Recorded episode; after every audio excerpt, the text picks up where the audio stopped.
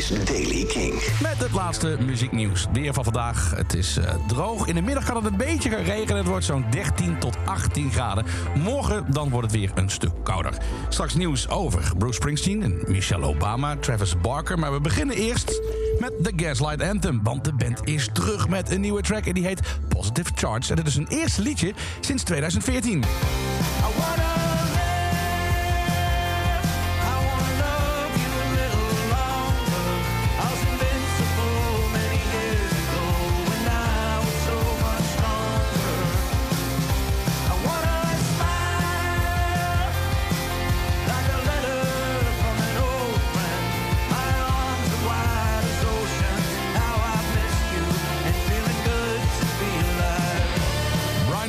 Van um, Gaslight Anthem zegt... Positive Charge begon als een boodschap van vreugde aan onszelf en aan ons publiek. Het centrale thema gaat over het kijken naar wat je hebt doorgemaakt... en het gevoel hebben dat je met een open hart naar de toekomst wil gaan.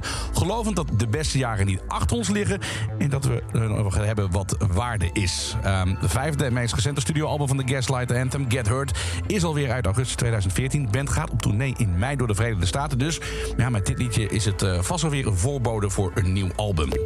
Michelle Obama die uh, voegde zich uh, bij een concert van Bruce Springsteen... om zijn nummer Glory Days mee te zingen afgelopen weekend... tijdens een optreden in Barcelona.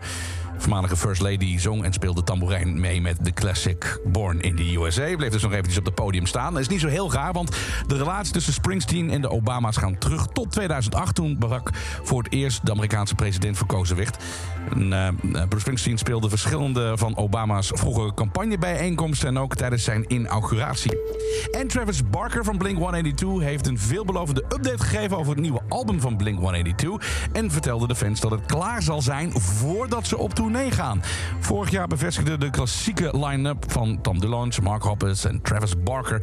dat ze zouden herenigen voor een wereldtournee, een nieuw album. Tot nu toe hebben ze maar één single uitgebracht, Edging.